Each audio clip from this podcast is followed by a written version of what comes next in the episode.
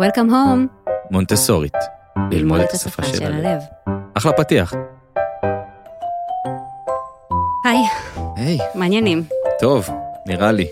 מה היה הבוקר? מה היה הבוקר? שאלה הראשונה, מה היה הבוקר? מה היה בכל בוקר? אה, הבוקר אה, התחיל בשעה? שבע. וואו, מה לא. זה? האמת, כאילו התחיל בתוך, לתוך הלילה, בתוך הלילה. בלילה התחיל הבוקר. פחות. היה כמה התעוררויות, ואז בבוקר, מה היה לי? בתי בת השנתיים אה, התעוררה. יש לה קטע, היא כמו אימא שלה, היא אוהבת למשוך את הבוקר. היא כאילו, היא לא... נגיד אם אני קם, בום, אני קם מהמיטה, היא כזה לוקחת את הזמן, ו... והיא לא רצתה ללכת לגן. היא לא רצתה ללכת לגן. Mm. עזבי שכאילו, כל החודש הזה הוא הסתגלות אחת גדולה. רגע, בואו נשים את עצמנו על ציר של זמן, שלישי באוקטובר, ובעצם מתחילים היום את הגן, כי בספטמבר היו אולי שישה ימים. נכון. ו... ו... היא רצתה לבחור לעצמה את הבגדים. סבבה, נתתי לה. מה זה. לבחור? איך היא בוחרת? ספר לי. את מה יש בארון? את האמת או... את האמת, רק את האמת. את האמת, לא, היא מקבלת שתי אופציות, אוקיי. והיא בוחרת מתוך האופציות. היא בדרך כלל בוחרת את האופציה השלישית. זה תמיד, זה ככה.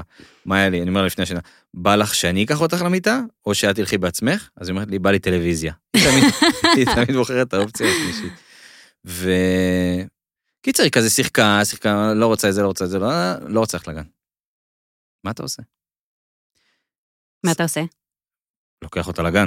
לא, אבל מה אתה אומר לה? לא רוצה ללכת לגן. אני, מה היה לי? לא? רוצה ללכת לגן. אז תלוי, תלוי באיזה מצב את תופסת אותי. אם אני אחרי לילה בלי שינה, אפס סבלנות, אז אני מתחיל, כאילו, אני מתחיל לא, אנחנו צריכים ללכת לגן, את יודעת, בגן נורא נורא כיף, אני כאילו נורא נחמד. כאילו, אתה מנסה לשכנע אותה למה כיף ללכת לגן. נכון, ואז, באיז- מעניין. ואז באיזשהו שלב, it. מהמם. כאילו, אני אומר לה, אני אומר את זה גם בקול, די, איבדתי את זה, הולכים לגן. ואני תופס אותה, ואנחנו הולכים, כאילו, אנחנו הולכים לגן. אז ביחד. כאן עבדו, וואי, ה- תבחרי, תקשיבי. כל האופציות, אופציה שלישית. אין, יש עוד משהו שאני חייב לספר לך. בבקשה. היינו בעמק המעיינות. אגב, כאילו, לא סיפרנו, אנחנו הולכים לדבר על גיל שנתיים. חכה, בוא נראה, בקצב של הסיפורים, בוא נראה לאן נגיע. אוקיי. terrible 2. אין כזה דבר, לא, וונדרפול טו. מיכל. צח. אוקיי. עמק המעיינות. כן. נוסעים בגולף קאר הזה, מגיעים למעיין, הכל קסום, מים, כזה פכפוך, כיף. שים לי מוזיקה נעימה. ואז אה, משכנו את השעת שינה שלה, כאילו זה היה איזה אחד בצהריים. אני אומר לה, טוב, יאללה, נגמר כבר, כולנו עייפים, רעבים וזה, בוא נלך. היא התחילה ב tantrum. זה הפך ממקום כזה מלבב וכיף לפרק בפאודה. אני נוהג, תופס אותה, מחזיק אותה ככה ב... ב club car. ב club car, דופק רוורס, היא צורחת, וואו, אנשים מסתכלים כאילו אני חוטף אותה. לא...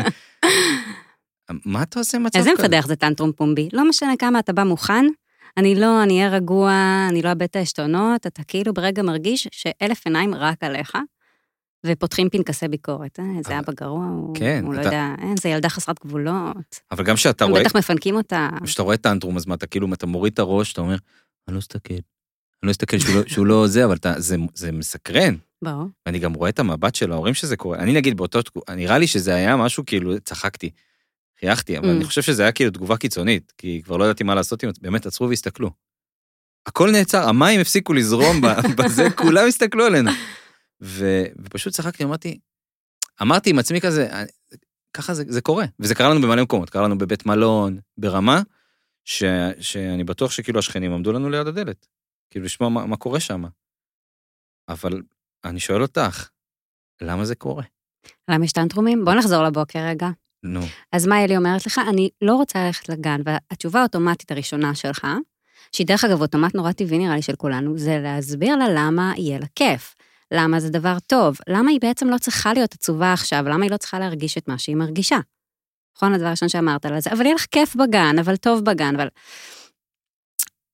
אם ננסה שנייה לשים את האבל בצד ולהתייחס רגע לרגע שעלה לה, אולי. התגובה שלה, או המשך הבוקר היה נראה קצת אחרת. לדוגמה, אם בן ניסן שלי, שהוא גם בן שנתיים, הוא צעיר ממאיה לי בכמה חודשים, כן. אומר לי, אני לא רוצה ללכת לגן. אז היא אומרת לו, אתה לא רוצה ללכת לגן? למה אתה לא רוצה ללכת לגן? כי לא בא לי. "מ, למה לא בא לך? כי לא, בא לי לראות טלוויזיה.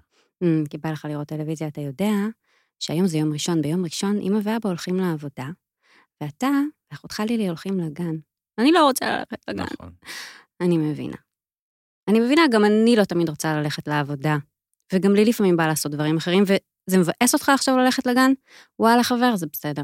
זה בסדר להתבאס. זה בסדר שלא בא לך, זה בסדר שאתה רוצה להיות איתי אולי, זה בסדר שבא לך להיות עוד בבית, זה בסדר שעכשיו היה ספטמבר שלם, וכל מה שעשית זה להיות איתי. ולהיפרד ממני, שאני השמש, הירח והכוכבים שלך, כי אמא ואבא זה הכל, זה קשה. אז אם נהיה איתם שם רגע, בכאב הזה, ברגש הזה, בזה שמותר גם ש... שהם לא ירגישו סבבה, פתאום משהו משתנה.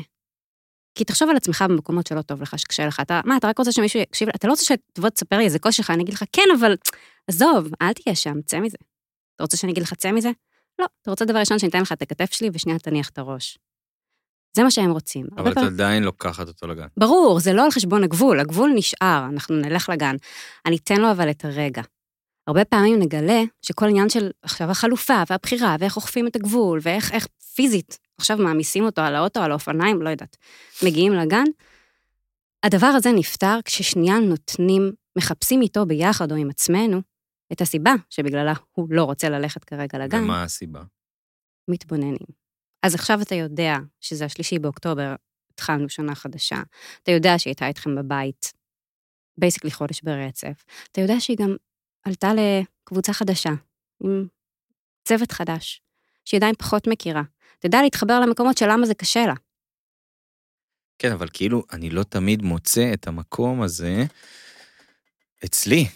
אני, אני מבין נורא את מה שאת אומרת, ואני אני לפעמים מנסה ומיישם את זה, אבל הרבה פעמים אין לי את הזמן, את הכוחות, וגם לפעמים היא לא זורמת עם זה, וזה לא הופך מ... זאת אומרת, היא לא אומרת, אה, אוקיי, אז בוא נלך. היא, היא מקימה צעקה, כאילו, יש בה אש, ובדבר הזה, קשה נורא לנתק את עצמך, כי, כי מה שאת מתארת פה, הוא ההתבוננות הזאת שאת, שאת אומרת, בעיניי, איך אני רואה את ההתבוננות, של, שאני מצליח לעשות התבוננות, אני כאילו יוצא מתוך הגוף של עצמי. אני רואה את הסיטואציה מבחוץ, ואז אני פחות מעורב ברגשית. כאילו אני, גם בטנטרום אגב, כשאני מבין, אוקיי, היא עכשיו, לא יודע, בקשה עמוקה, אמרת, אה, לי, אני אשמח שתסבירי עליה, גם כאילו... נגיע לזה. אה, כשאני מבין מה היא, אז אני מצליח ל... להנמיך את, ה, את, ה, את הכעס שיש בי. אבל נגיד היום בבוקר, לא הצלחתי. לא הצלחתי והגבתי נורא נורא חזק. זו שאלה מה אתה עושה במצב כזה, אתה פוסל את עצמך? אתה, אתה, אתה... מה אתה עושה? אחד מהדברים שאנחנו הכי טועים בהם, לפי דעתי, בכל הנושא הזה של, של, של הרגע הזה שהילד לא מקשיב לנו, נכנס לטנטרום, לא רוצה, זה דבר ראשון, אנחנו לוקחים את זה למקום האישי. אנחנו מלבישים על זה את כל העצבים שלנו, את חוסר הסבלנות שלנו, את העושה לי דווקא, ושם אנחנו נכנסים אה, ראש בראש עכשיו. זה, זה הופך להיות קלאש, ומקלאש לא יוצאים דברים טובים. מסכימה איתך, לא תמיד אתה יכול להיות קשוב ולהתבונן ולעצור, ויש לוז. הם לפעמים מביאים כאילו, מה זה לפעמים? זה גם, זה חוזר על עצמו, זאת אומרת, זה לא נגמר. אני יודע, עכשיו היינו סוף שבוע אצל ההורים, היא נרדמה מאוחר, נרדמה מאוחר, לא נרדמה, סליחה, לא נרדמה מאוחר, יום שישי אנחנו כאילו שכונה, יום שישי זה שכונה. המצאתי מושג חדש, רוצה לשמוע? נו. שנזלת, זה לא קשור לכלום. היא אוכלת נזלת? היא אוכלת נזלת? היא אוכלת נזלת, כן, זה קורה. היא חוקרת מה יוצא לה מהגוף. אז אני אומר לה, נזלת זה קקי של האף. זה עובד. לא, היא אומרת את זה, היא מחזיקה זה, נזלת זה קקי של האף ואוכלת, זה לא זה. למה אמרתי את זה? בקיצור, אה, כי שישי זה שכונה, אני גם אומר לה, שישי כאילו אנחנו הולכים לסבא וסבתא, אין, אה, לא עכשיו... אה, לא אוכפים את שעת השינה. אבא, אתה לוקח אותי לישון? לא, אין בעיה. ואז ראיתי שהיא הגיעה למצב שהיא, שהיא מוטרפת. מכירה את זה שילד עובר את השעת שינה שלו? בטח. שהוא הופך לשת הזמני? ממש, כאילו התחילה ללקק שלטי, דברים הזויים קרו שם. ואז אמרתי לה, הולכים לישון. כאילו הגיע הזמן ללכת לישון. והיא צרחה. וידעתי שאני הולך לקראת 40 דקות, אז אני אומר לך, כאילו, הגוף שלי גם, אומר, אין לי כוח. במילים אחרות, אפשר לצנזר את זה, אין לי סיין לזה. עכשיו, איזה בן אדם, איזה, איזה הורה אתה? לקחתי אותה באוטו, הרדמתי אותה באוטו, כי פשוט לא היה לי כוח, הרגשתי חרא עם עצמי. אתה הורה, אתה הורה נהדר. כי יש רגעים שבהם. כל האמצעים, בבקשה, נשמה. יש רגעים שבהם כל האמצעים כשרים, כי בסוף, כשאתה לא מסוגל עכשיו לאכוף גבול בסבלנות, באמפתיה, ברוגע, באהבה, בחמלה, מה הסיטואציה הזאת בבוקר שאני, שאני מספרת לך עליה, על להבין שנייה, שוואלה מבאס לה הבוקר ללכת לגן, זה להיות בחמלה למה שהיא מרגישה. באמפתיה לזה, שזה בסדר שלא בא לה. גם אם זה לא בא לך טוב, גם אם זה מתנגש לך עם הלו"ז, לפעמים לא יבואו לה דברים מבן אדם שלם, מלא, מהרגע שהיא נולדה, ולא תמיד בא לה. אם אתה לא יכול להיות שם בחמלה, כן, אתה צריך שנייה להשתמש בכל האמצעים האחרים שיש ברשותך, כדי להביא אותה לנקודה, לגן, אה, לשינה, מה שזה לא יהיה. כי כשאתה הופך את זה לאישי, כשאתה כועס, כשאתה מתעצבן, הרבה דברים פחות טובים קורים בדרך. וגיל כן, שנתיים, זה, לא זה עובד בטווח הקצר, זה יכול, זה יכול להשיג את התוצאה, אבל, אבל גיל שנתיים הוא מאוד ייחודי בקטע הזה. למה? כי מה קורה לילד בגיל שנתיים? בטריבל 2. בוונדרפול 2. אוקיי. כן, נכון, אז בואו בוא, בוא נדבר על זה רגע. גיל שנתיים קיבל את הכותרת, גיל שנתיים הנורא. כי בואי. הורים חרדים מהגיל הזה... הם לא יודעים, תקשיבי, זה שאמרו לי גיל שנתיים הנורא, וזה אמרתי, אוקיי, גיל שנתיים הנורא, גיל שנתיים הנורא. יותר נורא מגזים, יותר נורא משיניים, אין. עד שלא ראיתי את הסצנה הזאת שהיא יושבת וצורחת עליי, אז באותו רגע כאילו הסתכלתי, אמרתי, אוקיי, אני מבין למה הם קוראים לזה טריבל 2. אז מה קורה לה שם? בואו נדבר על זה רגע. עד עכשיו הייתה לך תינוקת, פעוטה, שהתנהלה בעולם לפי הקצב שלך. מה שאתה סיפקת לה, נתת לה, הסביבה שהקפת אותה בה, זה מה שהיא הכירה וזה מה שהיא ידעה. כי ילדים נולדים לא מודעים. הם לא מודעים, הם לא מאורגנים, הם לא מתוכננים, הם עוד לא יודעים על העולם מספיק כדי לקבל החלטות בעצמם. במונטסורי קוראים לזה, לתקופת גיל הזאת, שהיא נמשכת פחות או יותר מהלידה עד גיל שלוש. גיל שלוש זה איזשהו בנצ'מארק, כן? זה יכול להיות גם שהתקופה הזאת תסתיים בגיל שנתיים וחצי, או שתימשך עד גיל שלוש וחצי. משתנה מילד לילד. מה, מה, מה עד גיל שלוש וחצי? לא, זה גיל שנתיים וסיימנו. לא, לא, אצל מאיה לי זה שנתיים וחצי, זהו. היא עוד רגע בחוץ, היא נשארה לה באמת רק הזרת. סבבה, סבבה, רציתי לוודא. לגיל הזה, מלידה עד שלוש, מונטסורי קראה תקופת היוצר הבלתי מודע, The Unconscious Creator, אוקיי? למה? כי אמרה שהילד בגיל הזה, דבר ראשון, הוא בלתי מודע. הוא לא מודע לסביבה, הוא לא מודע לעצמו, והוא מתנהל בצורה שהיא לחלוטין כאוטית. תחשוב רגע על ים, הצעיר שלך, בן שנה וחודשיים. כן. איך הוא מתנהל בחלל? כמו שיכור. כמו שיכור. מתנדנד, מכירה את זה? ככה. לגמרי. כזה, כן. אין לו שום מודעות, שום החלטה. זה, כל הזמן. הכל קופץ מדבר לדבר, כל דבר מסיח את דעתו, הוא לא החלטי, הוא פשוט לא מודע. ו- וזה החלק הלא מודע בגיל הזה. ולמה יוצר? כי מונטסטורי גילתה שילדים, הם נולדים, אמנם פיזיים, פיזית שלמים, נכון? כל האיברים, כל הגוף שלהם שלהם, אבל כל הרוח שלהם, כל מה שבונה את הפנים שלנו, עוד לא, עוד לא נמצא שם. הם נולדים דף חלק. היא אמרה ש, שבאופן מאוד דומה לשליש הראשון של ההיריון, שהעובר בונה את האיברים הפיזיים שלו, נכון, עד, עד פחות או יותר לסוף השליש הראשון, אנחנו רואים אה, באולטרסאונד עובר תינוק שלהם. זוכר את זה בשקיפות העורפית? רואים כזה תמונה של חייזר? אה, זה נראה יותר כמו קשקוש, כאילו של... אה, זה הדבר, אתה רואה פה? הנה הראש. תקשיב, גבר, אני לא רואה כלום. אני אשלח אותך לרופא שלי בנאמבר 3. רואים בן אדם, רואים ממש. עדיין אין נאמבר 3, לאט לאט. מי שעושה ילדים צמודים, אבל בלי לחץ. מי שעושה ילדים צמודים, יש לו גרייס של חמש שנים. לא מדברים איתו על זה, כן. אני עכשיו מרימה טלפון לשני, אני לא, לא. בטוחה. לא. שני, שני תגיד לך אותו דבר. כן? אני אספר לך על מה דיברנו אתמול. תקשיבי, גמרו אותנו, שני יש לי חדשות מאתמול בגינה. מה היה? מאתמול בגינה. יש. כבר תאריך. אז אני הייתי עם שניהם פעם אחת לבד. פעם אחת. פעם אחת, כן, פעם אחת יותר מדי. ומאיה לי לקחה בקבוק אלכוג'ל, נתנה סיפור אמיתי, היא פתחה אותו, נתנה לים לשתות, הוא שתה קצת, מהלחץ שטפתי לו את הפה, אני מסתובב, אני רואה אותה עם כוס זכוכית, מסתכלת עליי, מסתכלת על הכוס, מנפצת אותה על הרצפה. וולקאם אבא. וולקאם. ככה זה מרגיש. צמודים זה החיים. אז עוד חמש שנים, נשמה. טוב, נחזור לזה. טוב. זה, אני מוכנה אבל לשים כסף. טוב, נמשיך. אז בשליש הראשון, אה, עובר בונה את האיברים הפיזיים שלו, ואז בשליש השני והשלישי של ההיריון, הם מתפתחים, הם גדלים. אבל בסוף השליש הראשון, האיברים הפיזיים נבנו. מריה מונטסורי קרא לזה העובר הפיזי. הילד בשלוש השנים הראשונות לחיים שלו הוא עובר רוחני, כי הוא בונה את האיברים הרוחניים שלו, שהם הרגש שלו. כל העולם הרגשי. מה, מה, מה, איזה עולם רגשי יש לי בפנים? להכיר את כל קשת הרגשות שאני יכולה להרגיש. זה הרצון שלו, ה-will power שלו, מה הוא רוצה, לבנות את הרצונות שלו בחיים. זה האינטלקט, כל הקוגניציה, כל המחשבה. זה השפה שאנחנו רואים איך ילדים עד גיל שלוש מגיעים מאפס שליטה בשפה, למצב שבגיל שלוש הם דוברים שפה. אם תשים אותם בסביבה שיש בה שתי שפות, או אפילו שלוש שפות, הם ידברו בסוף התקופה הזאת שתיים או שלוש שפות. זה מטורף. זה משוגע. תכף, נסביר מה זה מוח סופג. אז הם קולטים גם את השפה, והדבר האחרון זה תנועה.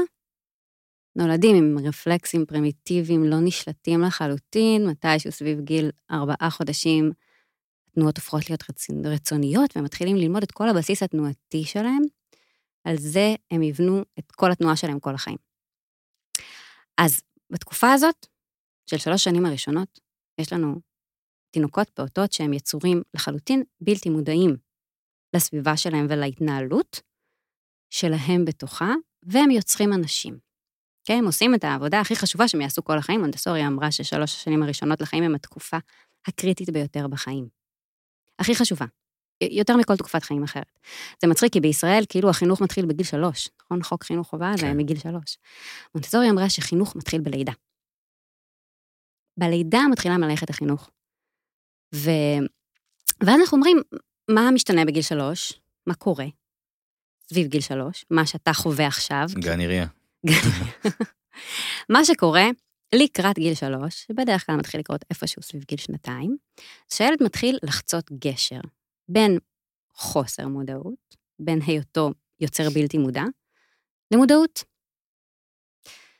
ומה שקרה אה, למאיה לי בבוקר, זה שהיא קמה, והיא רגע הסתכלה על העולם, ואם לפני שנה, כשלקחת אותה, עדיין לא הייתה לה גם את השפה להגיד, אבא, אני לא רוצה ללכת לגן, אבל אולי גם לא הייתה לה מספיק את הידיעה או את המודעות לזה, שיש אופציה כזאת, שהיא יכולה לבקש לא ללכת לגן. אז היא הופכת להיות מודעת לזה שהאפשרות הזאת קיימת, כי היא עוברת מחוסר מודעות למודעות. ולמה זה גיל שהוא כל כך קשה לנו, ההורים? כי יש פה אנשים שמודעים לזה שיש עוד אפשרויות חוץ מהאפשרויות שאנחנו בוחרות, בוחרים בהן. ו- ופה מתחיל, מתחילים קלאשים, פה הבעיה. פה הבעיה. פה מתחילים ריבים, פה מתחילים ויכוחים. כשבעצם האירוע הזה, למה אני אומרת שזה לא terrible to, the wonderful to? כי זה מהמם. כן. כן. מהמם, לא יודע, מהמם זה, זה, זה, זה נכון. עוד פעם, כאילו יש פה כזה, אתה יכול להסתכל על זה בשני שני דרכים.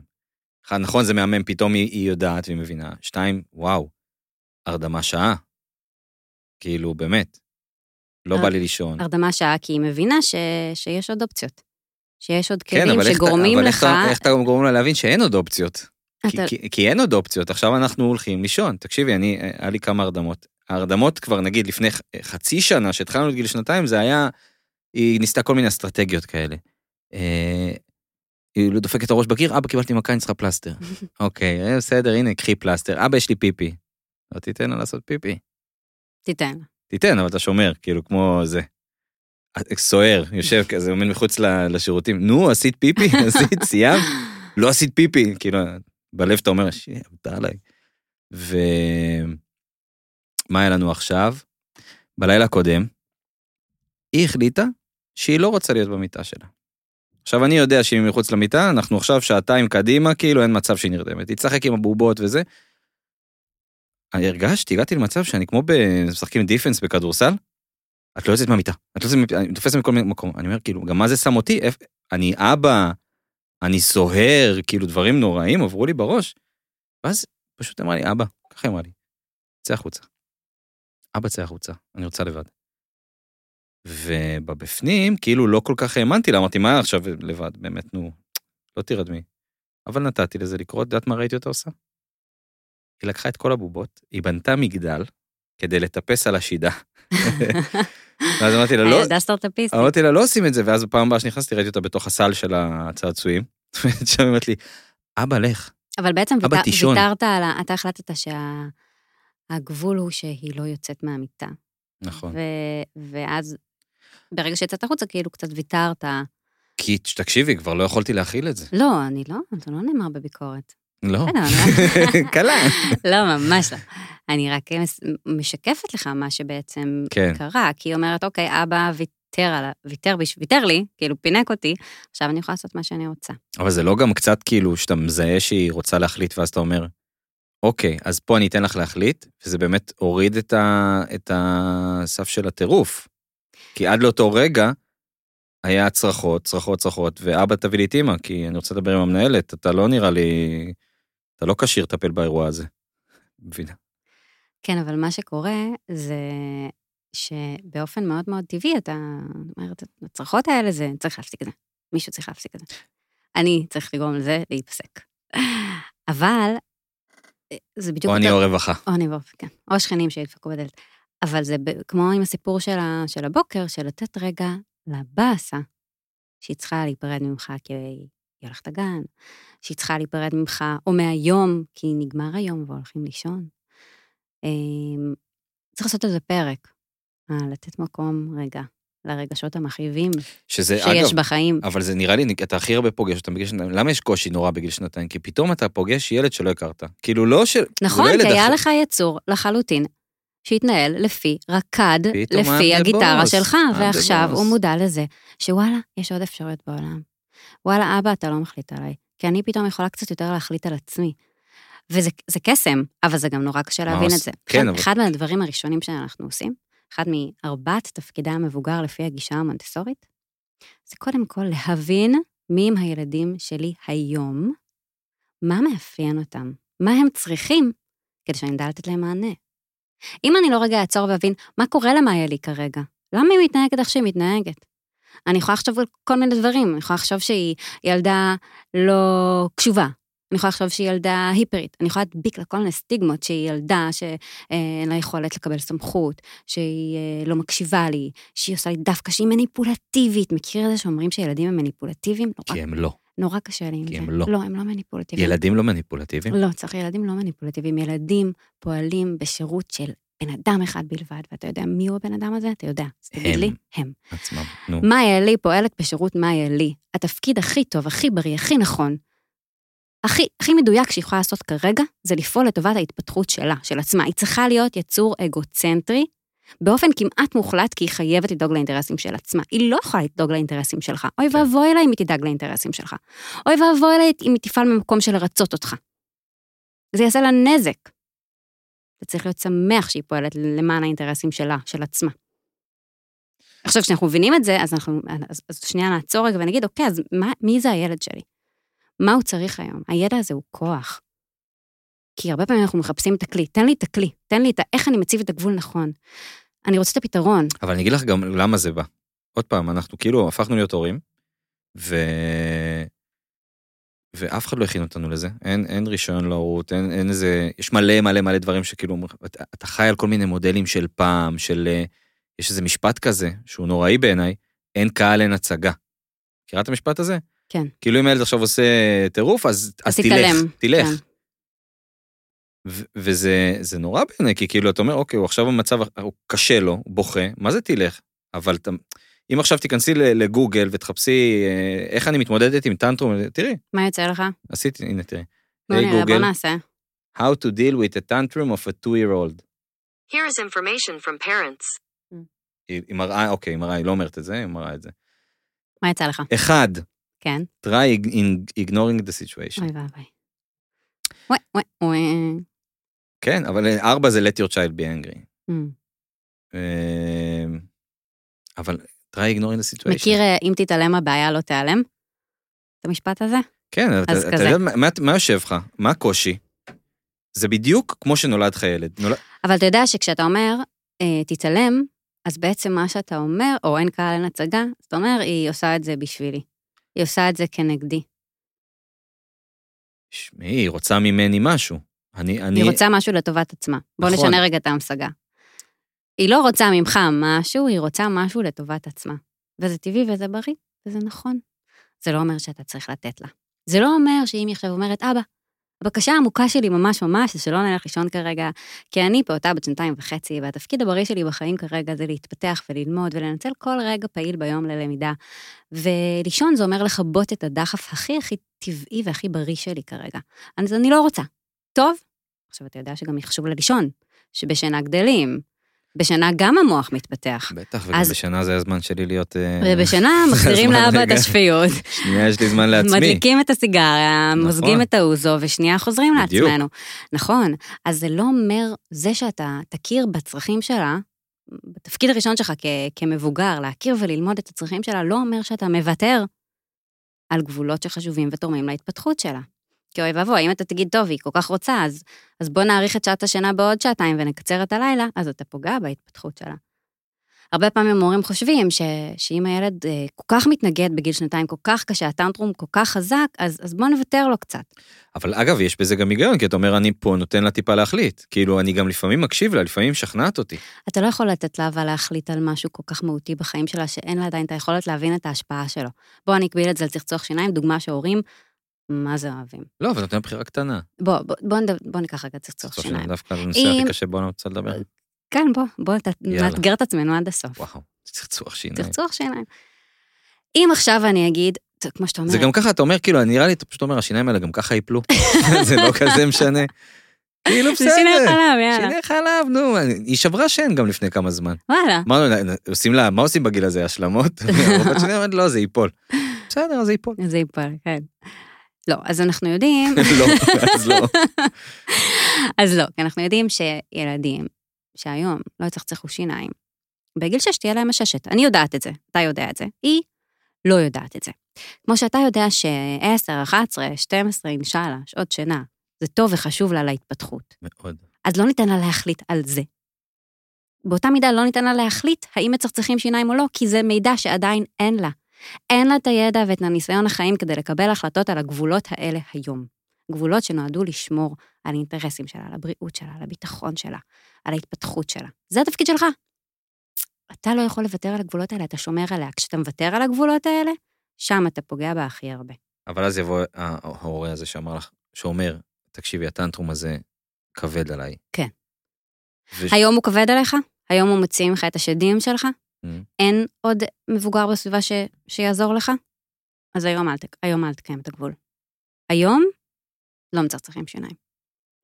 כי עדיף לשמור על הקשר בינינו ועל האמון ועל השפיות ולוותר, אלוהים, לוותר על כל מה שיוצא מאיתנו כשאנחנו אבל זה מאבדים פוגש את זה. אותך גם במקום, הוויתור הזה שאת נכון. מתארת, הוא הוא פוגע באגו. אבל אה, זה בדיוק העניין, שכשאנחנו מבינים שהילדים בגיל שנתיים הם יצורים אגוצנטרים, אז צריך כל הזמן להגיד את זה התפקיד. שלהם, אבל בגלל זה התחלתי את השיח שלנו על, על בסדר, גיל נו, אני שנתיים. מת- אני מתפזר. אז בוא, אני מפקסת אותך רגע. התחלנו את השיח שלנו על גיל שנתיים בלהבין מי הם ילדים בגיל שנתיים. מי הם? למה הם ככה? כן. כי אנחנו לא יכולים לרוץ לרצות את הפתרון, אנחנו חייבים להבין שנייה ולהתעכב על הלמה לפני שאנחנו מקבלים את האיך. רגע, לעצור ולהבין. הידע הזה, בהרבה מהמקרים, הוא פשוט פותר הרבה מהעניין, כי אנחנו מוצאים את האיך לבד, כשאנחנו מבינים את הלמה. כשאתה מבין שהיא מודעת, היא הפכה להיות, היא הופכת להיות מודעת. זאת אומרת, היא עדיין בשלב היוצר הבלתי מודע שלה. היא עדיין מתנהלת בעולם בחוסר מודעות לגבי הרבה הרבה דברים, אבל עם כל יום שעובר היא טיפה יותר מודעת, היא טיפה יותר מבינה, היא חוצה גשר בין תקופת החיים הראשונה והכי משמעותית וקריטית הזאת, מהלידה עד גיל שלוש לתקופה הבאה. דרך אגב, בתקופה הבאה, גיל שלוש עד שש, מה שאני, עכשיו תגיד, וואו, וואו. לא, לא, בגיל גיל שלוש עד שש, זה- תמיד כאילו אומרים לך, חכה, חכה. כן. חכה, חכה, אה, אתה זה חכה שיניים, חכה, חכה גן. האמת. שדווקא במובן הזה אני ארגיע אותך. מה מחכה בגיל שלוש? מונטסורי כינתה את הילד מגיל שלוש עד שש, העובד... הנסיך. הנסיך. הנסיך. הילד הבלתי, הבלתי מפריע. הבלתי מפריע. הילד השקט. הילד שניתן להשאיר אותו בבית עם מפתח ורישיון. למיקרו. רק לא ילד מפתח אבל. לא, אז, אז היא כינתה אותו העובד המודע, The Conscious Worker. אוקיי? מזכירה? הראשון היה היוצר הבלתי מודע, The Unconscious Creator, ואז מגיל שלוש הילדים שלנו הופכים להיות עובדים מודעים. למה מודעים? כי הם חצו את הגשר בין חוסר המודעות למודעות, והם פתאום מודעים לסביבה שלהם. הם יכולים לעבוד עליה בצורה מתוכננת. הם יכולים לעבוד עליה בצורה מאורגנת. אנחנו רואים ילדים בגיל שלוש שיכולים לתכנן איזה שניים, שלושה צעדים קדימה. אני קם בבוקר ואני אומר לך, אבא, אני רוצה אה, קורנפלקס עם חלב, ואחר כך אני רוצה שתשב איתי ונצייר. וואלה, חשבה שני מהלכים קדימה. כן. מודעת. למה עובדת? כי העבודה הזאת היא, היצירה, הבנייה, השלב הקסום הזה, וזה שאי אפשר להחליף אותו, כי לא עושים את זה בשום תקופת חיים אחרת, של היצירה של האדם, של הרוח, של כל האיברים הרוחניים, היא מסתיימת בגיל שלוש. הילד מגיל שלוש כבר לא יוצר את האיברים הרוחניים שלו, הוא עובד עליהם, הוא משכלל אותם, הוא משפר, הוא עובד על הבסיס שהוא כבר בנה. ולכן היא שינתה את, ה, את הטרמינולוגיה מיוצר לעובד. אז התקופה הזאת של גיל שלוש עד שש היא מאופיינת בהרבה יותר ארגון ותכנון. כאילו בגיל בסדר 0 עד וכוונה. 0 עד 3 יש יותר קצת כאוס. הרבה יותר כאוס. כן, כאילו הרבה פעמים אני אומר לעצמי, תקבל את הטרור. כזה, כן. בראש, אוקיי, זה עכשיו טרור, אין... אבל זה עובר. זה עובר. בדוק. תסתכל, אתה מכיר את לילי, אתה מכיר את. לילי שלי. כן, היי, אבל אני לא רואה אותה, כאילו, אני לא יודע אם... קודם כל, בואי, לכולנו יש רגעים עד היום שיש לנו טנטרומים. גם לי יש, לי יש טנטרומים מדי פעם. בוא, תשתף אותי בדעתו. יש טנטרומים, מספיק לך לנסוע בכביש, אתה רואה אנשים בטנטרום כאילו תמידי. יש לי חבר כזה, לא אנקוב בשמו. תיסוע איתו, בד... הבן אדם בטנטרום, כל הדרך. אתה נוסע עם סכין למה הוא קפיצית? נוסע? מה? סכין קפיצית כאמצעי הגנה. זה מלחיץ. אה, אז, אז כאילו כל הזמן יש את- הרגע הזה שלה, שאתה מאבד את זה. כן. אבל בגיל הזה יש לך, יש לך אין סוף, אז אני, אני לא יודע, אז בואו נדבר אם רגע פתאום על... בגיל גיל שלוש ואז זה כמו גזים כזה מפסיק. אז בואו נדבר רגע על אה, עוד... בא הולכים אה, לישון? אוקיי. אה, לא, אבל א', זה גם, בוא, הכל תלוי בעבודה שאנחנו עושים, הרי. בואו נדבר על עוד מאפיין מאוד גדול של הגישה המונטסורית, שזה בעצם המודל החינוכי שמונטסורי פיתחה, שאומר, זה נשמע כזה גדול, נכון? מודל, אני לא כן, הולכת לתת לך פה מודל איזה... ועד גיל שלוש, שזה בכלל לא זרקת פה פצצות, אבל אני לא אנחנו הולכת לתת לך נמשיך פה איזה... כאילו, כן. סבבה. לא, אז זה מאוד פשוט. מונטסורי אמרה אה, בשונה אה, מאולי חשיבה קונבנציונלית, אה, חינוך זה תהליך לגמרי טבעי, שילדים יודעים לעשות בעצמם, דרך ההתנסויות שלהם בסביבה. אוקיי? אז בעצם מה שהיא אמרה זה שמה שמלמד ילדים, ילדים או שילדים לומדים דרך, כל ההתנהלות שלהם בסביבה, ואיזה סביבות מקיפות אותם, איזה סביבה יש להם בחיים. גן, גן, סבבה, בית. בית, מה יש בגן ובבית? יש משחקים, יש גינה, יש חצר, יש בית, יש מיטה, יש זה, ויש אותנו. ביוטיוב. ויש את עוד יוטיוב. אז יש את הסביבה האנושית, ויש את הסביבה הפיזית. אנחנו, הסביבה האנושית שמקיפה את הילדים, חשוב, חשובים הרבה יותר, דרך אגב, באופן מובהק, מהסביבה הפיזית, מהדברים שיהיו להם. כשאנחנו מבינים שמה שאנחנו ניתן להם, איך, מה שאנחנו נלמד אותם, המודלינג, הדוגמה האישית שאנחנו ניתן להם, למה זה אומר להיות בן אדם, זה מה שהם ילמדו. אוקיי, אז אתה אומר, מה שאתה בוחר להראות לה, את זה תלמד. זאת נקודת הפתיחה שלה. משם היא תתפתח. ו, וזה משהו שלי, כאימא, בהורות הראשונית שלי, כשנתקלתי במונטסורית, עשה לי, עשה לי הרבה הרבה סדר. אמרתי, אוקיי, אז, אז יש לי, כאילו, יש לי תקווה, יש לי עתיד, יש לי השפעה, אני יכולה להחליט שאני מראה לה איזה בן אדם אני רוצה שהיא תהיה, וזה מה שהיא תגדל להיות. אז אתה צודק בזה שזה זה מבעית, זה קשה, זה... זה גם מבית, אבל גם כאילו, א', זה נורא יפה, וזה גם, זה נורא יפה, וזה גם הופך אותך. אני תמיד, אני גם כתבתי על זה כמה פעמים, שילד הוא, ילדים הם מראה, ששלום חנוך אמר את זה. אה, ילדים הם גשר אל עצמנו שנתן לנו הזמן. הם נותנים לך איזושהי הזדמנות שנייה, פתאום לתקן את הדרכים שלך. יש סרט כזה, סרט פרסומת, שרואים אה, הורים עושים כל מיני דברים רעים, והילדים עושים, אבא יורק, הילד יורק אחריו. נכון. אבל באמת של החיים, זאת אומרת, במרוץ שאתה לא, אתה לא כל הזמן מודע לזה, וזה נורא נכון כאילו לקחת את המילים האלה שאת אומרת פה ולשים אותם כזה ב-back of my mind בזמן שאני מתנהל עם הילדים, ואז זה נורא מקל, אבל לא יודע, אשתי עצבנה אותי, אנחנו רבים. זה נורא קשה להגיד, אוקיי, הילדים מקשיבים, אני עכשיו לא אדבר, אני לא זה, מה זה, מה, איך זה משפיע? אה, קיבלתי טלפון נורא מעצבן מהעבודה ועכשיו אני לא יודע, אני, אני קצת צועק. אה, וגם את זה הם סופגים, נכון. הם רואים את זה, ואני חושב שזה גם בסדר שיראו גם את זה. שיראו את, את, החלק הזה, כי גם אתה לא יכול להסתיר אותו כל הזמן, אתה לא יכול אה, לדמות איזה מודל של, של הכל הפי, הפי, ג'וי, ג'וי. אני אגיד לך על זה שני דברים. דבר ראשון, מונטסורי קרא, ל- קרא לזה נורמליזציה. מונח קצת מורכב. אני אז- מת על, אני מת על נורמליזציה. לנרמל זה הדבר. אז המשפט קצת מורכב, אבל אני אפשט את זה. בגדול, נורמליזציה זה, זה מסלול ההתפתחות האידיאלי, התקין, הבריא.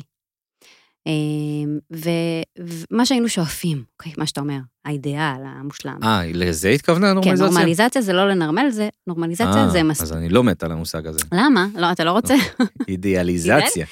זה מסלול ההתפתחות ה- אוקיי, המיטבי. המושלם. המ- לא יודעת אם מושלם, בוא, בוא נניח שנייה את המילה מושלם בצד, אבל האידיאלי.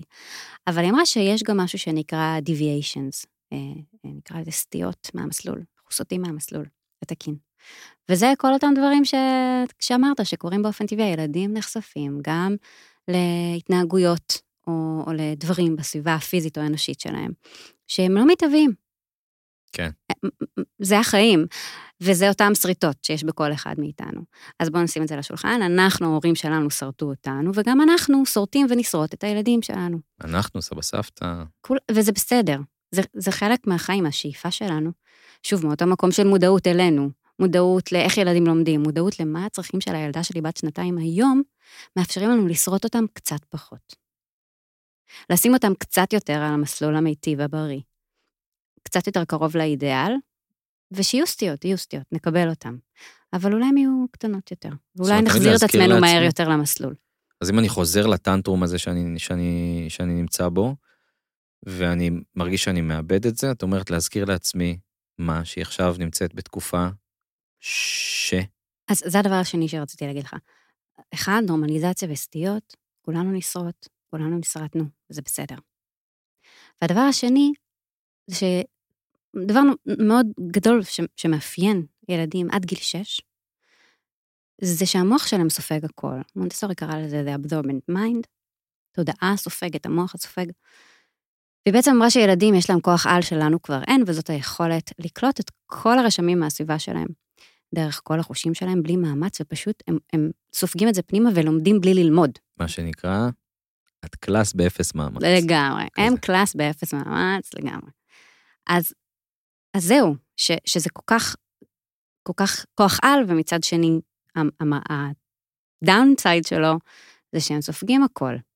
אז כדאי שנהיה במודעות, דבר ראשון במודעות. אה, וגם, כן, גם לשחרר מזה לחץ, אנחנו לא יכולים להיות הכי טובים שלנו כל הזמן. אנחנו יכולים להיות הכי טובים שלנו היום ולקבל כלים ולקבל ידע ולהכיר אותם כל יום עוד קצת. ויש גם משהו בעיניי מאוד משחרר בלהבין מה הצרכים של הילד שלי ולמה, מה, מה ה-back office של זה. למה הוא מתנהל כמו שהוא מתנהל. זה משחרר, כי אז אני מבינה שהיא לא עושה לי דווקא. ואני קצת יכולה יותר להתחבר למקומות שממנו היא, היא פועלת, ואז גם יותר קל לי להגיב, התגובה שלי יותר רגועה. אה, אני יכולה להגיד לך על עצמי, שזה מאוד מאוד משחרר. אני, לא, אני מסכים איתך, זה משחרר, אבל עדיין, אה, כאילו, טוב, זה תמיד יהיה קשה. בגלל זה אני תמיד, אני אומר, מתי זה נגמר? כי, כי לא משנה כמה אני מסביר לעצמי, ויש את הטקסט המופלא הזה, שאני כל הזמן אה, נורא נורא אוהב להקריא אותו, גם, גם לעצמי. אני רגע אקריא אותו. של אה, קרן? יש אה, סרטון של אבא, בטוח שהרבה ראו אותו, האבא שחווה טנטרום עם הילדה שלו, במקור הסרטון הזה הרבה ומשהו דקות, בסוף זה, הוא השאיר את זה לאיזה שלוש דקות והוציא את זה החוצה. אה, נשים קישור לדבר הזה. נשים קישור בתיאור הפרק. כן. זה משהו שכל הורה to be לילד בן שנתיים צריך לראות, ומי שכבר זה בטוח מכיר את זה, וזה קרה לו מלא פעמים. ואז באה קרן, קרן אלטשולר, שהיא מנהלת אה, קהילת אה, תינוקות מלמדים הורים, וכתבה על זה טקסט. והטקסט הזה, הוא מלווה אותי כל הזמן, זה קצת מזכיר את הארנב הקשיב. הארנב הקשיב? ארנב הקשיב. תמיד קראת לזה. ארנב הקשיב. כי זה מה זה ארנב הקשיב? לא משנה. החברה שלנו מפחדת מרגשות, בעיקר מהשליליים, אבל לא רק. החברה שלנו מפחדת מדמעות, בעיקר מאלו שמגיעות עם צרחות. רובנו מסתכלים על ילד או אדם בוכה וחושבים שהבכי הוא מקור הסבל והכאב. ושאם נצליח לעצור את הבכי, הכאב ייעלם והסבל ייגמר. האמנם? רגשות הם כמו גלים בים, יכולים לעלות מאוד מאוד גבוה, אבל בסוף כל גל תמיד נשבר. כשילד שלנו מתוסכל, ואנחנו מסיחים את דעתו מכך, אנחנו לא נותנים לגל הזה לרדת. הרגש נתקע בתוך הגוף ומתיישב לנו בתוך התאים, ויוצר בשקט בשקט מחלות וכאבים. כל אחד מאיתנו סוחב ממש עכשיו רגשות כאלו בתוך הגוף שלו. רגשות שלא קיבלו ביטוי ופורקן, בינקותנו, בילדותנו וגם עכשיו בבגרותנו. מתי בפעם האחרונה התעצבנתם או התעצבתם והלכתם לאכול משהו, לשתות משהו, לעשן משהו, לצפות באיזה סדרה או סרט, לקנות משהו חדש שאין בו צורך של ממש? אף פעם. כן. לקנות ואז מקדונלדס. אנחנו עושים הכל רק לא להרגיש, רק לא לשהות רגע בתוך הכאב, בלי לפתור אותו או להעלים אותו, כך למדנו מיום שנולדנו. כשכאב לנו ובכינו, נתנו לנו ציצי, בקבוק או מוצץ. כשגדלנו, נתנו לנו משהו אחר, דגדגו אותנו, אמרו, היי, תראה, ציפור. העבירו לנו מסרים כמו, אינני בוכה אף פעם, אינני תינוק בכיין, וכשאת בוכה את לא יפה. אך האמת היא שכאב הוא חשוב. הוא חלק מהלידה, חלק מהמוות, וחלק מכל מה שבאמצע. מהכאב אנחנו לומדים, מתפתחים וצומחים. בסרטון הזה, בסרטון שרואים, רואים בבירור פעוטה מתוסכלת, זועמת, כואבת, ואבא שכביכול לא עושה כלום. למי שלא ראה, האבא פשוט יושב שם. מביט על הילדה בהרבה חמלה, אבל, אבל יושב. עד שהיא קרוב מחבקת. אליה, צמוד. קרוב אליה, כן, הוא שם. אה, האומנם? מה שאנחנו רואים בסרטון הזה זה אבא שלא פוחד. לא פוחד לתת לבת שלו להרגיש, להרגיש עד הסוף, לבכות ולצעוק ולבעוט את הזעם החוצה. אנחנו רואים אבא שנמצא בנוכחות מלאה ובחמלה לכאב של הבת שלו. בלי רצון לבטל, לדפדף, להתקדם. ומתוך הנוכחות האוהבת הזו, היא יודעת שזה בטוח, אה, מקום בטוח להרגיש במלוא העוצמה את מה שקורה בתוכה. וכשהזעם נגמר, קורה משהו נפלא. הנחת מגיעה. נקודת חוסר התוחלת. זו הנקודה שבה הזעם הופך לעצב, עצב של השלמה, והסתגלות לכך שהיא לא תמיד יכולה לשנות את המצב. כל עוד היא הייתה במאבק הפנימי שבתוכה, היא לא אפשרה קרבה ומגע. זה כל כך נכון, כאילו זה קורה לי כל הזמן. היא, מה היה לי? צועקת, אני שם, באיזשהו שלב, היא פשוט באה אליי. והוא ממתין בסבלנות ראויה להערצה, וכשהיא הגיעה לנחת היא שחררה ומצאה בזרועותיו חיבור ונחמה, ומתוך זה יכולה לצאת לדרך חדשה. נכון, לא תמיד יתאים לנו לאפשר לילד שלנו להביע את כל מה שסוער בתוכו עכשיו. אם אני ממהר לצאת לדרך, או באמצע מקום הומה אדם, בהחלט ייתכן שאנסה להסיח את דעתו. אבל כשאתם פנויים לכך, פיזית ורגשית, תנו להם להתפרק. בלי עצות, בלי פתרונות, בלי הסחות, רק להיות. אל תפחדו מרגשות. הם פה בשבילנו, לתווך לנו את עצמנו, מכווינים לנו, מכווינים אותנו למקומות הנכונים עבורנו ועבור הילדים שלנו. יש משפט מפורסם שאומר, Don't just stand there, do something. אז הפוך, גוטה. אל תעשו משהו, פשוט תהיו שם. איזה יפה זה. זה טקסט מושם. זה טקסט כאילו, אני, בא לי לקעקע, הוא פה ארוך מדי, כאילו, הייתי מקעקע אותו על, על היד, כמו פשוט- שליף, פשוט להיות. כמו שליף. זה, זה כל כך כל כך נכון, וזה קצת מחזיר אותנו למה שדיברנו בהתחלת הפרק. הרגע הזה שהיא אומרת לך, אני לא רוצה ללכת לגן, ואתה אומר לה, אבל יהיה לך כיף בגן. כן, אני כאילו, מה- אתה לא נותן לה את הפשוט מקום להיות לה- הזה.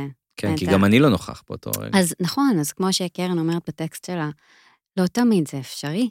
אם אתה ממהר לצאת לדרך עכשיו, לא תמיד אתה יכול לתת פורקן מלא לכל הרגש שעולה בה עכשיו, אבל אתה כן יכול להגיד, אני מבין אותך. אני מבין אותך, I hear you. אבל באמת, כאילו, לא להגיד את זה כמשפט, כי, כי במונצורי אומרים להגיד, אני מבין אותך. לא, להסתכל, לרדת לגובה העיניים שלה, לצמצם את כל המטר ו... אני, כן. כמה אני אומר, כמה אני בתכלס. כמה בחוגר? כמה בחוגר? בחוגר נראה לי מטר שבעים ושש. סתם, בודקים אותך, כאילו מישהו. אף אחד לא בודק את זה בכלל, זה שכונה. אני אעשה ממוצע, את כל המטר 85 שלך, לצמצם.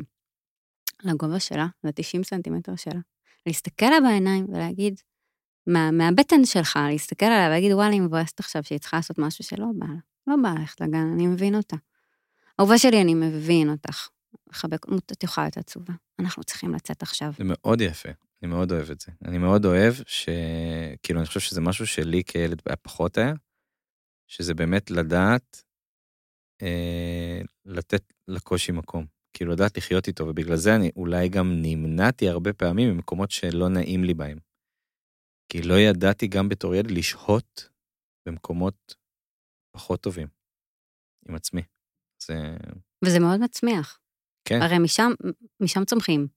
מלדעת להיות, לחיות בשלום גם עם המקומות הלא מושלמים.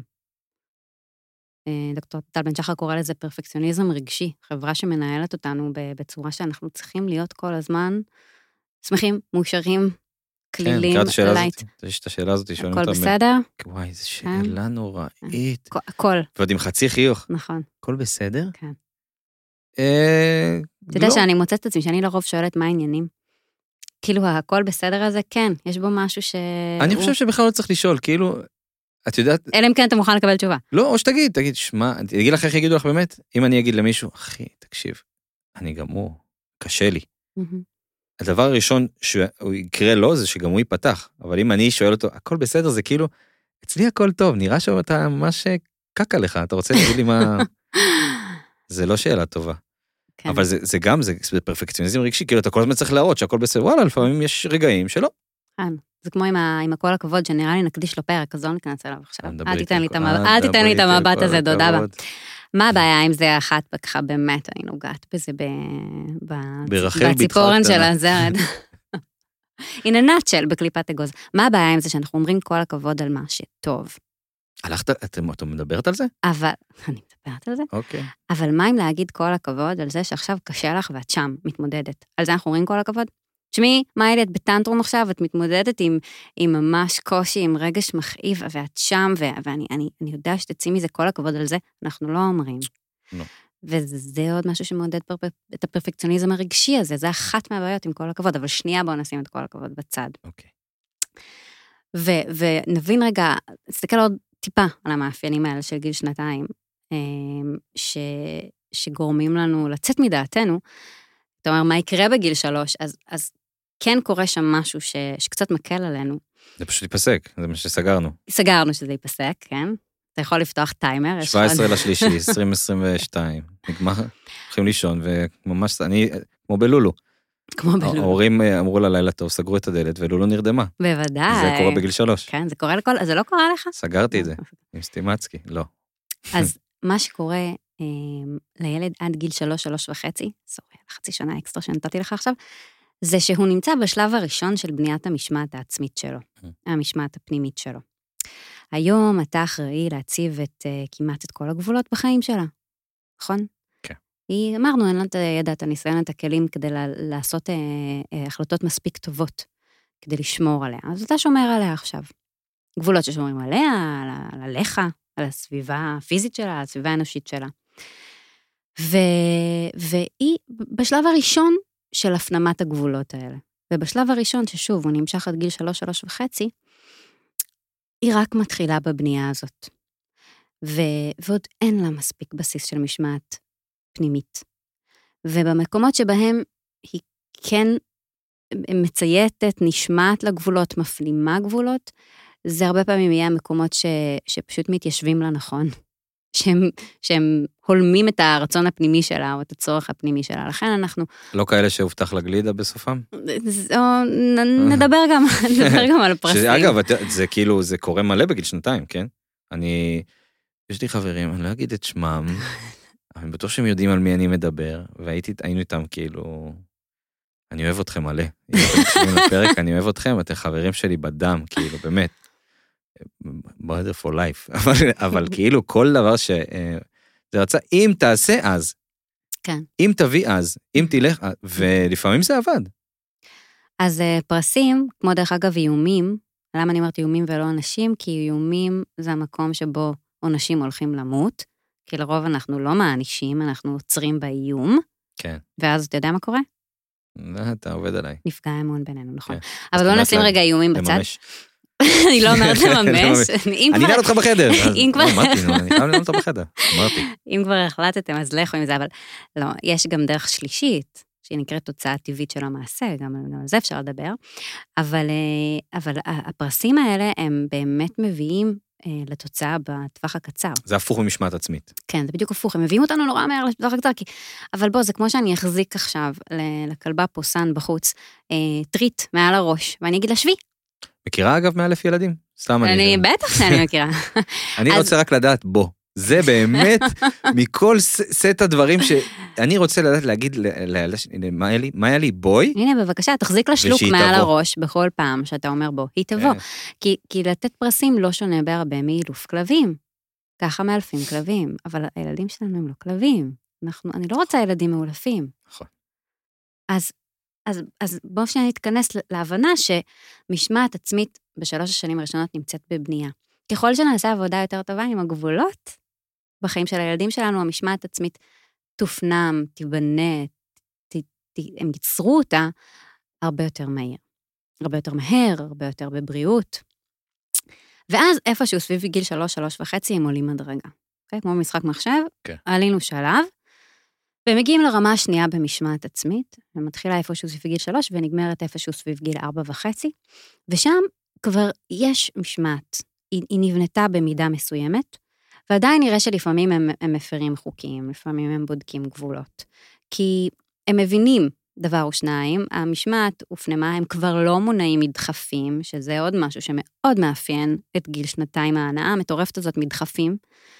נכון, רואים אותם פתאום אימפולסיביים בטירוף, פשוט עושים איזה משהו, בלי ללקק שלט נגיד, מה, כן. מה העניינים איתך, חברה, אבל הם פועלים מדחפים שלא תמיד ברורים לנו, לא תמיד אנחנו מבינים אותם, אבל הדחפים האלה משרתים את ההתפתחות שלהם. אז הם פחות מונעים מדחפים מגיל שלוש עד ארבע וחצי, ולכן הם הרבה יותר במשמעת, אבל הם עדיין מפרים לפעמים גבולות. ואז איפה שסביב גיל ארבע וחצי הם עולים לרמה השלישית, ששם הם כבר ילדים עם משמעת עצמית. אני יכולה להגיד לך היום, לדוגמה, לילי שלי, שהיא בת ארבע ו- ותשעה חודשים, שהיא, לא רק שהיא ממושמעת ו- ויש לה משמעת פנימית והיא יודעת לצאת לגבולות והיא מכירה את הגבולות, היא גם הרבה פעמים תביט עליי על המקומות שאני לא עומדת בגבולות ותאכוף אותם עליי. אמא לא הורדת נעליים בכניסה לבית. כן. אמא את מסתובבת עם אוכל. זאת אומרת, עד כדי... וזה דרך אגב שלב שאנחנו צריכים לבדוק שאנחנו לא מנצלים את העובדה שהם עד כדי כך אה, מודעים ו- וממושמעים פנימית. אז בגיל שנתיים אין משמעת פנימית כמעט. צריך להבין שזה טבעי, זה בריא, זה, זה, זה תואם גיל, מה שנקרא. טרור. את כאוטיה, כן, טהור, כן. נכון, לגמרי. וזה זה מצד אחד אולי עשיתי לך כזה איזה באסה. לא, זה...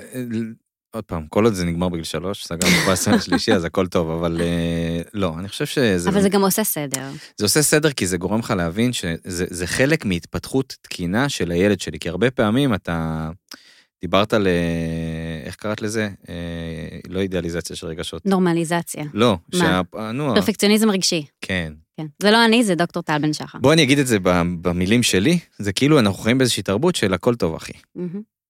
הכל טוב, מה איתך, אחי? אצלי הכל טוב, איך אתה? נכון, קשה לנו קצת להגיד ש, שלא טוב לנו, שקשה לנו, שרבנו. תראי, אנחנו חיים בעולם ששנינו אה, בלוגרים של אה, הורות, ואף אחד מאיתנו כמעט לא דיבר על זוגיות. ו... כי הכל טוב. כי הכל טוב, מה, אין שום בעיה בזוגיות. לא, אבל הנה, בוא, נסענו לכאן אה, באוטו ביחד הבוקר, שאלת אותי מה העניינים, מה הדבר הראשון שעניתי לך? הכל מעולה. יש- התיישבנו לקפה לפני, דיברתי על הלילה אה, פחות מוצלח בלשון המעטה שהיה כן. לי. אז לא פתחתי עם זה, נכון? יש לנו איזה... לא, אבל יש לך, ועוד אני, אנחנו מכירים, אבל אני אומר, בכלל, יש איזושהי תחושה כזאת שאתה לא יכול לספר החוצה את הדברים הקשים שקורים לך. וילדים מפגישים אותך עם רגעים, למה אותו הורה שחווה טנטרום מביט על כולם, או נורא נורא מפחד, או רוצה לסיים את הסיטואציה, לברוח משם ושלא יסתכלו עליו, כי הוא אומר, בואנה, נכנסים לתחתונים עכשיו, רואים לי את הכביסה המלוכלכת. נורא קשה לנו עם זה. וכשאתה בא ואומר, ואנחנו באים ואומרים, עכשיו, חבר'ה, זה לא רק אצל, אצלכם. אתם לא היחידים שחווים את זה. גם הילד שלי מתפלפ, גם אני חווה לפעמים בשלוש לפנות בוקר, צ'אקי בא אליי לחדר, מתחיל לצרוח עליי, כאילו, מה עשיתי? ו- ו- ו- ואני, והשכנים כאילו שומעים את זה, זה גם אצלי קורה, גם אצלכם, וזה חלק מההתפתחות התקינה של הילד שלכם. וכמו שטונה אמר, גם זה יעבור. ויותר מזה, ילד שנמצא במשמעת פנימית בגיל שנתיים, זה סטייה ממסלול ההתפתחות התקין. אז אנחנו צריכים לבקש שזה טוב שקורה לנו טנטרום. נכון. עכשיו, זה התפקיד הראשון שלנו, להבין מי, מי מהילדים שלנו. עכשיו, התפקיד השני זה להבין איזה סביבה טוב לבנות עבורם בשלב הזה. סביבה אנושית, איך אנחנו צריכים להתנהל, וסביבה פיזית. וזה לפרק הבא. זה לפרק הבא. טוב. אז אה, 17 לשלישי 2022, כן. נגמר ה tantrum. תשים ביומן. שמתי ביום. שים reminder, תעשה לי זימון, ו... נעשה למאלי זימון, שהיא לא תגיע אליו, היא תמשיך אה, עד גיל ארבע, למה לא? לא, יש לה grace של חצי שנה.